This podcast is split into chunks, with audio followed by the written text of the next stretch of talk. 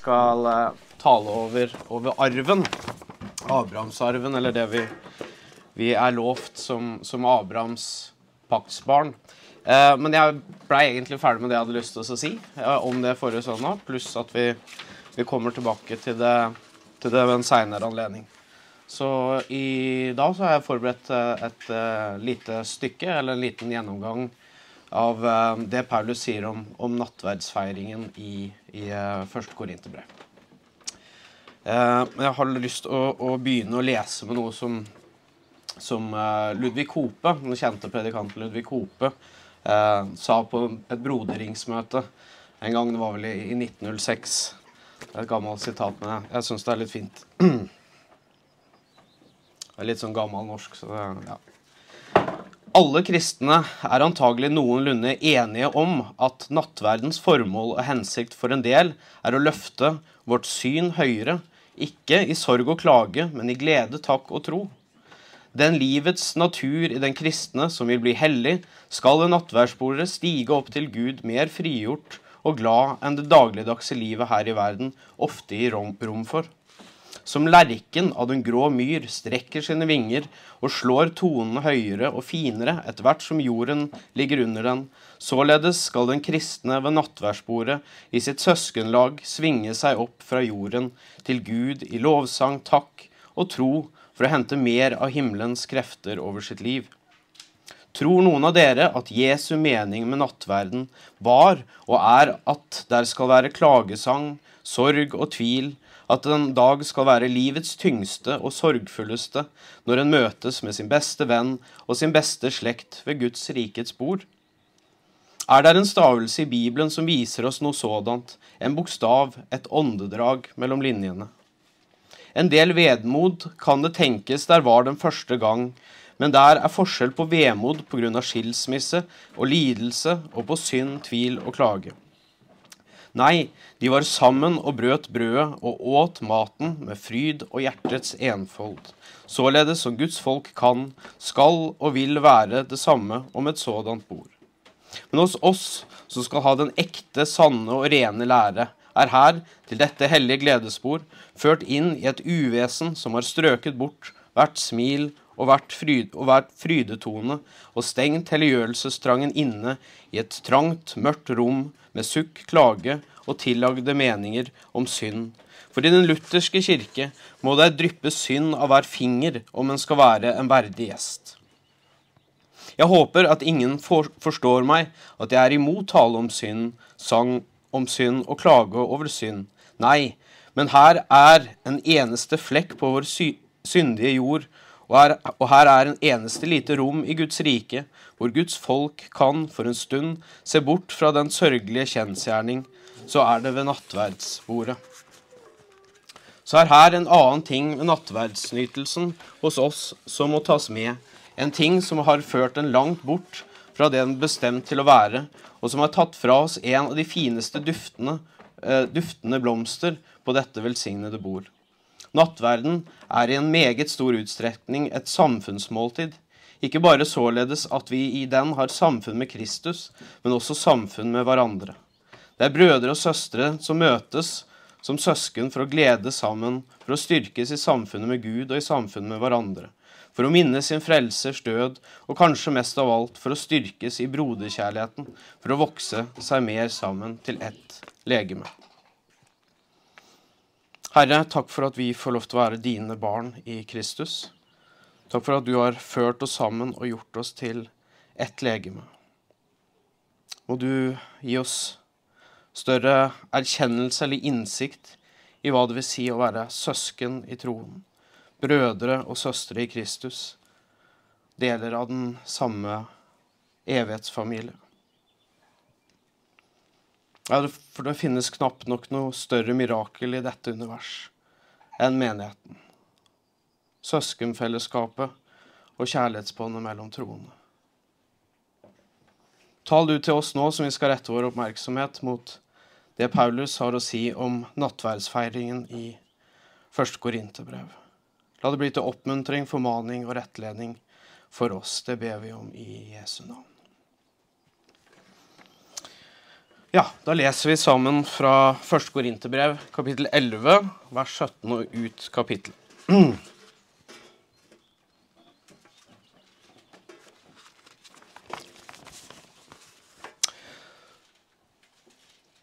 Når jeg her gir dere mine påbud, er det én ting jeg ikke kan rose dere for. Dere samles på en måte som ikke er til nytte, men til skade. For det første hører jeg at det er splittelse blant dere når dere kommer sammen som menighet, og jeg tror det kan være noe i det. For det må vel være opp, oppsplitting i grupper blant dere, så det kan bli klart hvem som holder mål. Når dere da kommer sammen og er samlet, er det ikke Herrens måltid dere holder. For når dere spiser, holder hver og en av dere måltid for seg selv. Den ene er sulten, den andre drikker seg full. Har dere ikke hus så dere kan spise og drikke hjemme? Eller forakter dere Guds menighet og lar dem som ikke har noe, sitte med skam? Hva skal jeg si til dette? Skal jeg rose dere? Nei, slikt kan jeg ikke gi ros, for jeg har mottatt fra Herren det jeg også har overgitt videre til dere. I den natt da Herren Jesus ble forrådt, tok han et brød, takket brødet og sa, Dette er min kropp som er for dere. Gjør dette til minne om meg. På samme måte tok han begeret etter måltidet og sa, Dette begeret er den nye pakt i mitt blod. Hver gang dere drikker av det, gjør det til minne om meg. For hver gang dere spiser dette brødet og drikker av begeret, forkynner dere Herrens død helt til han kommer.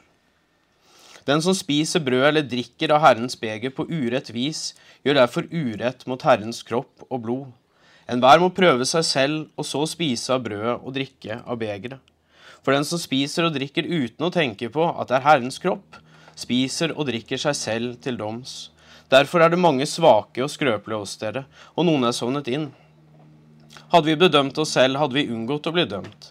Men når vi blir dømt av Herren, blir vi irettesatt for at vi ikke skal fordøm bli fordømt sammen med verden. Derfor, mine søsken, når dere kommer sammen for å holde måltid, så vend på hverandre.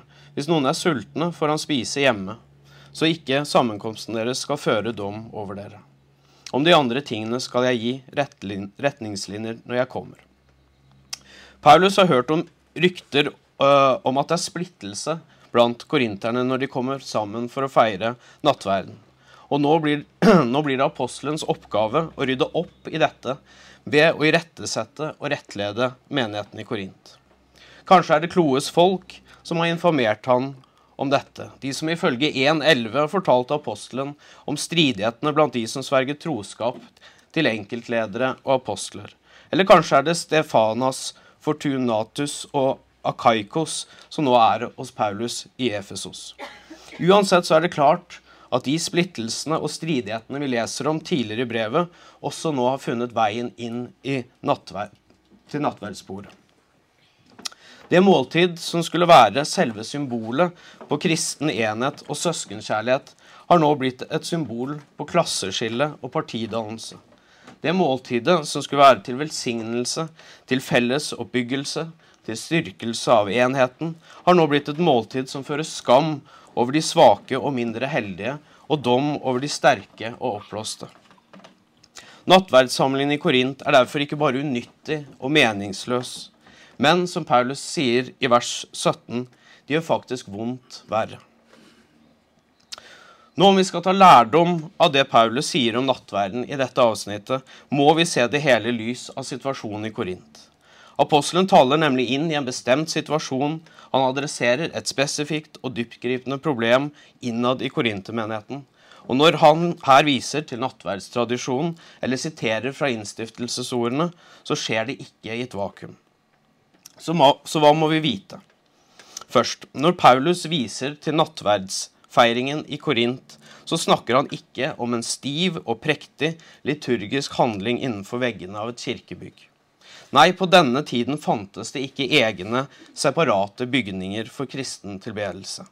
Nattverden var et faktisk måltid, eller i det minste en integrert del av et større måltid som ble konsumert i hjemmene. Og dette er utrolig viktig. Om vi fjerner nattverden fra, kall det det vanlige fellesskapsmåltidet, sånn at vi bare står igjen med en liturgisk handling, så blir det vanskeligere for oss å ta lærdom av det som skjer her i Korint. For det andre så adresserer ikke dette avsnittet primært problemer knyttet til sakrament, teologi eller læren om nattverden, men snarere problemer knyttet til sosiale relasjoner innen fellesskapet. Paulus' visjon for de hellige samfunn står nemlig i sterk konflikt med de sosiale normene og skikkene i Korint, hvor det nærmest var et krav at klasseskillet også skulle komme til uttrykk rundt måltidsbordet. Jo høyere på rangstigen man var, jo bedre og desto mer mat skulle man få. Men dette vil ikke Paulus ha noe av. Nei, han anser det som grå misbruk av nattverden og noe som fører skam over fellesskapet. Når Paulus da appellerer til nattverdsinnstiftelsen, så er det for å minne korinterne om Jesu død, for å vise dem hva det vil si å ofre seg selv for andre, hva det vil si å tjene sin neste, hva det vil si å elske. Ja, ved å minne dem om Jesu død ønsker Paulus å bli kvitt korinternes selviskhet, æresyke og oppblåsthet en gang for alle. Så fra begynnelsen i vers 17 til 22 blir vi presentert for selve problemet. Paulus har tidligere, i samme kapittel, vers 2, gitt korinterne ros for at de har holdt fast ved overleveringene. Men nå, nå kan han ikke lenger rose dem. Korinterne samles på en måte som ikke er til nytte, ja, som er til skade for dem. For det første har Paulus hørt rykter om at det er splittelse blant dem når de kommer sammen som enhet. For et paradoks. Verbet 'komme sammen' forekommer hele fem ganger i dette avsnittet, men det er jo klart ut fra konteksten at det egentlig ikke er det korinterne gjør, altså kommer sammen.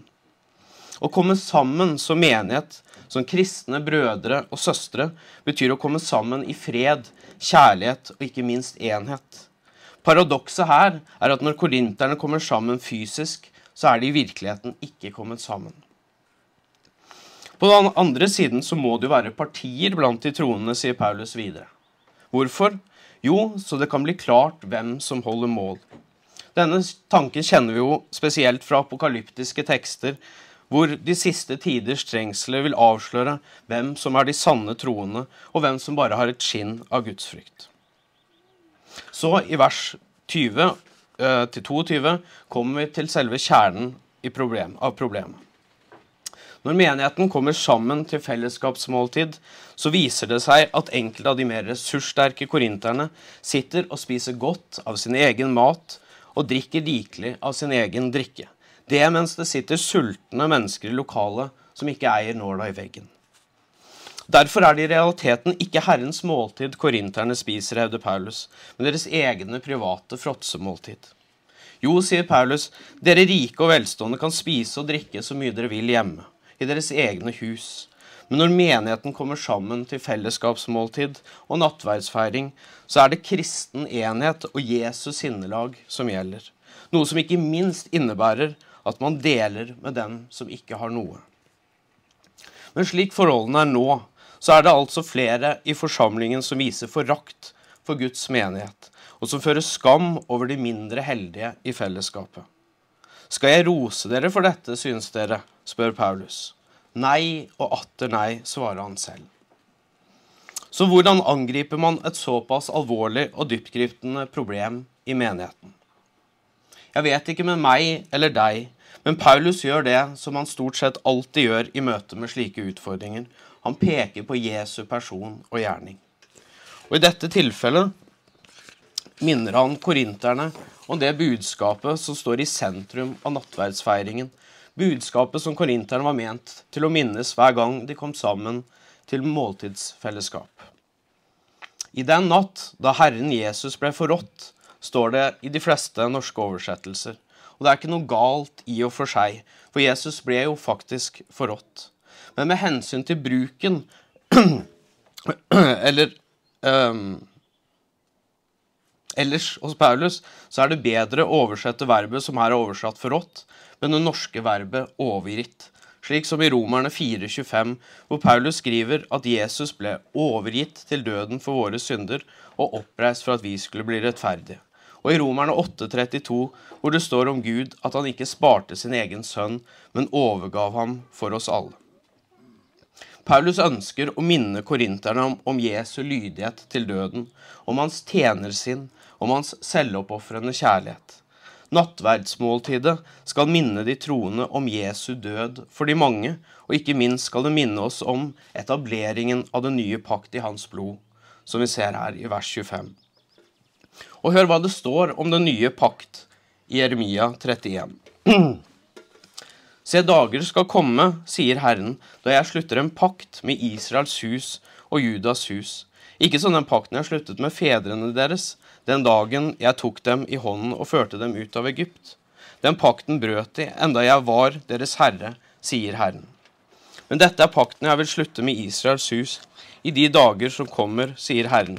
Jeg legger min lov i deres sinn og skriver den i deres hjerter. Jeg skal være deres Gud, og de skal være mitt folk. Da skal ingen lenger undervise sin neste og sin bror og si 'Kjenn Herren', for de skal alle kjenne meg, både små og store, sier Herren. For jeg vil tilgi skylden deres og ikke lenger huske synd. I og gjennom Jesu blod har alle troende entret inn i et paktsforhold med Gud, og som Guds paktsfolk er vi bundet sammen med hverandre med de forpliktelser overfor Gud og hverandre som det medfører. Problemet med korinterne er at de feirer nattverden på en måte som avviser den nye pakt og følgelig de forpliktelser som alle troende har overfor hverandre. Ja som, de, ja, som om de helt har glemt Jesus selvoppofrende død på korset.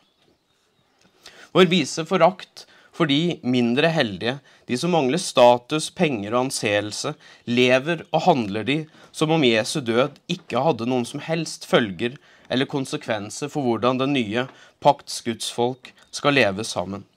Og nettopp derfor er det at Paulus på nytt ser seg nødt til å minne korinterne om hva nattverden virkelig handler om, hva som er selve kjernen og sentrum ved dette fellesskapsmåltidet, nemlig Jesu død.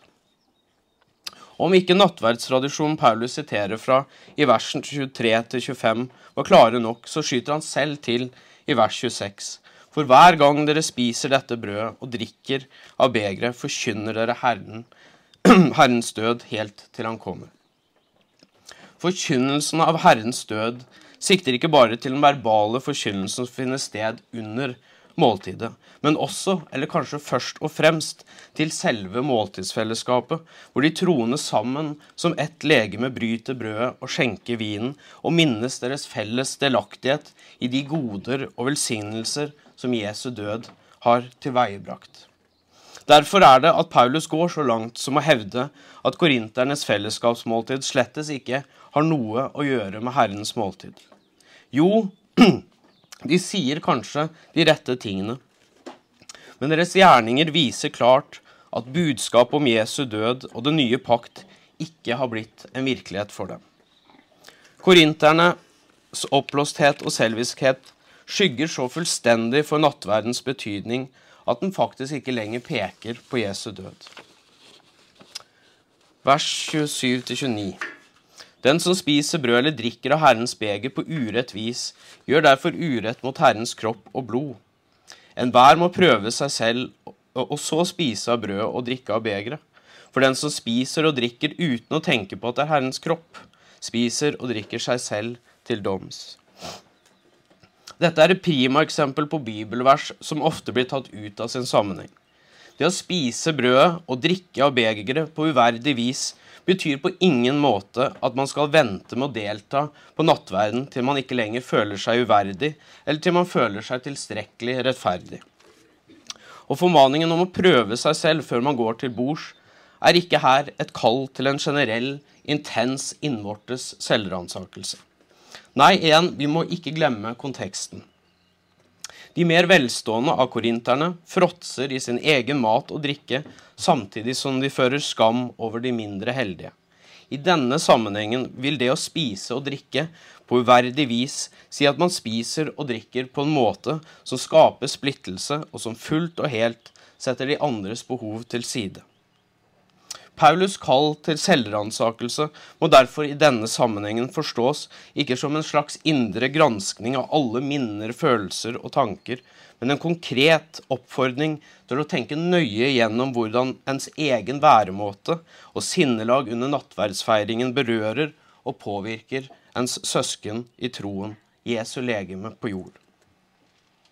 De som ikke gir akt på legeme eller kroppen, altså menigheten, siste del av vers 29, de gjør samtidig, vers 27, urett mot Herrens legeme og blod, altså Kristus selv. For som det også står i kapittel 8, vers 12, når dere synder mot deres søsken på denne måten, så synder dere mot Kristus selv. Og videre, de spiser og drikker seg til dom. Her er det ikke bare snakk om den endelige dom, ifølge Paulus, men en dom som også gjør seg gjeldende her i tiden, ved at mange av den som ikke akter på menigheten, blir syke og skrøpelige, ja, til og med sovner inn. Så hva sånn rent praktisk må korinterne gjøre for å komme på rett kjøl igjen? Jo, i vers 33 og 34. Derfor, mine søsken, når dere kommer sammen for å holde måltid, så vent på hverandre. Hvis noen er sultne, får han spise hjemme, så ikke sammenkomstene deres skal føre dom over dere. Om de andre tingene skal jeg gi retningslinjer når jeg kommer. Verbet som her er oversatt 'å vente på', kan faktisk oversettes 'å ta imot'. Så enten ber Paulus de velstående i forsamlingen om å vente med å spise til alle, inkludert de mindre velstående, har ankommet, eventuelt spise hjemme hvis de ikke klarer å holde seg. Eller så ber han de velstående om å ta imot de fattige, de har lavere status, som gjester i sine egne hjem. Så hva kan vi lære av korinternes mislighold?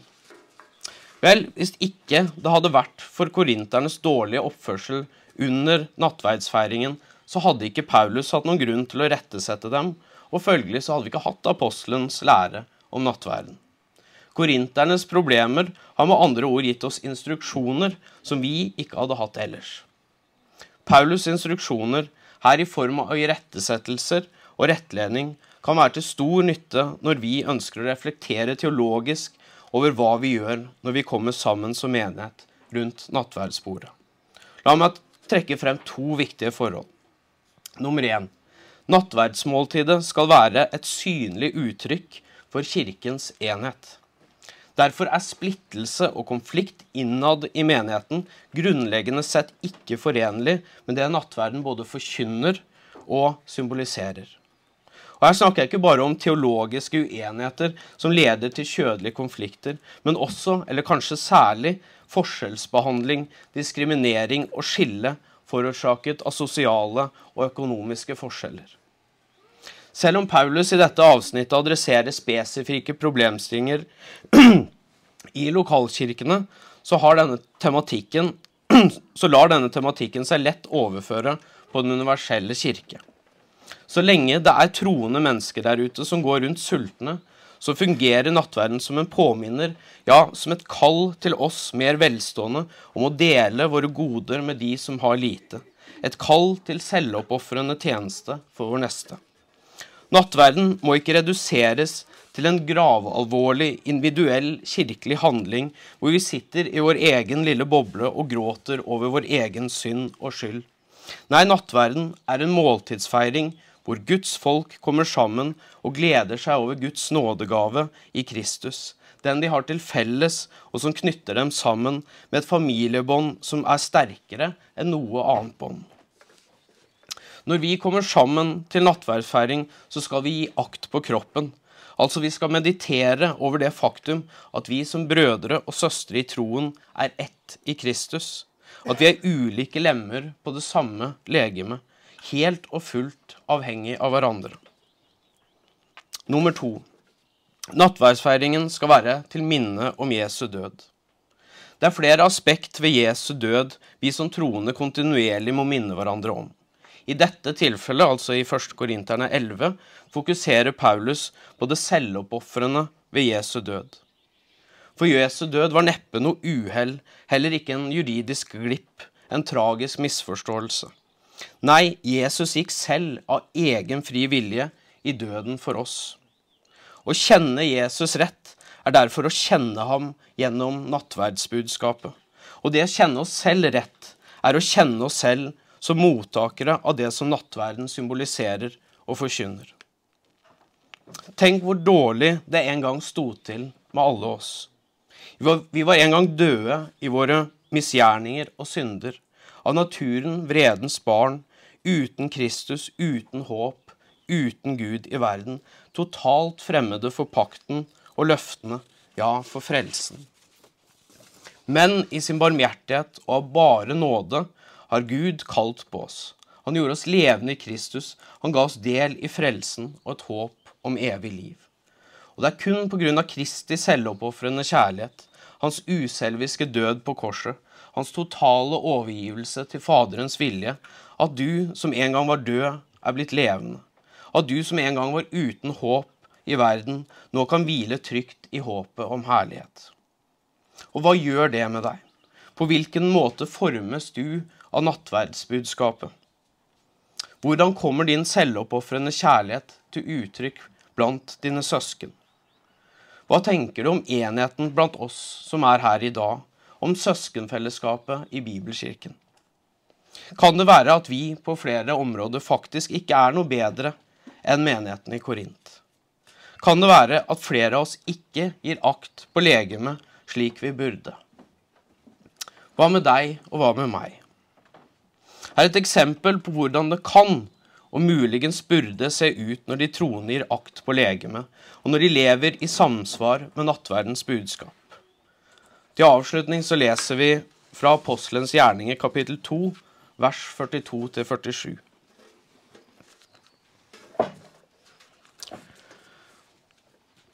De holdt seg trofaste til apostlenes lære og fellesskapet, til brødsbrytelsen og bønnene. Hver og en ble grepet av æresfrykt, og mange under og tegn ble gjort av apostlene.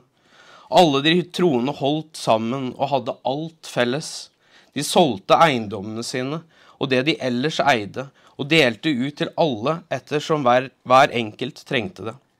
Hver dag holdt de trofast sammen på tempelplassen, og i hjemmene brøt de brødet og spiste sammen med oppriktig og hjertelig glede. De sang og lovpriste Gud og var godt likt av hele folket. Og hver dag la Herren til nye som lot seg frelse.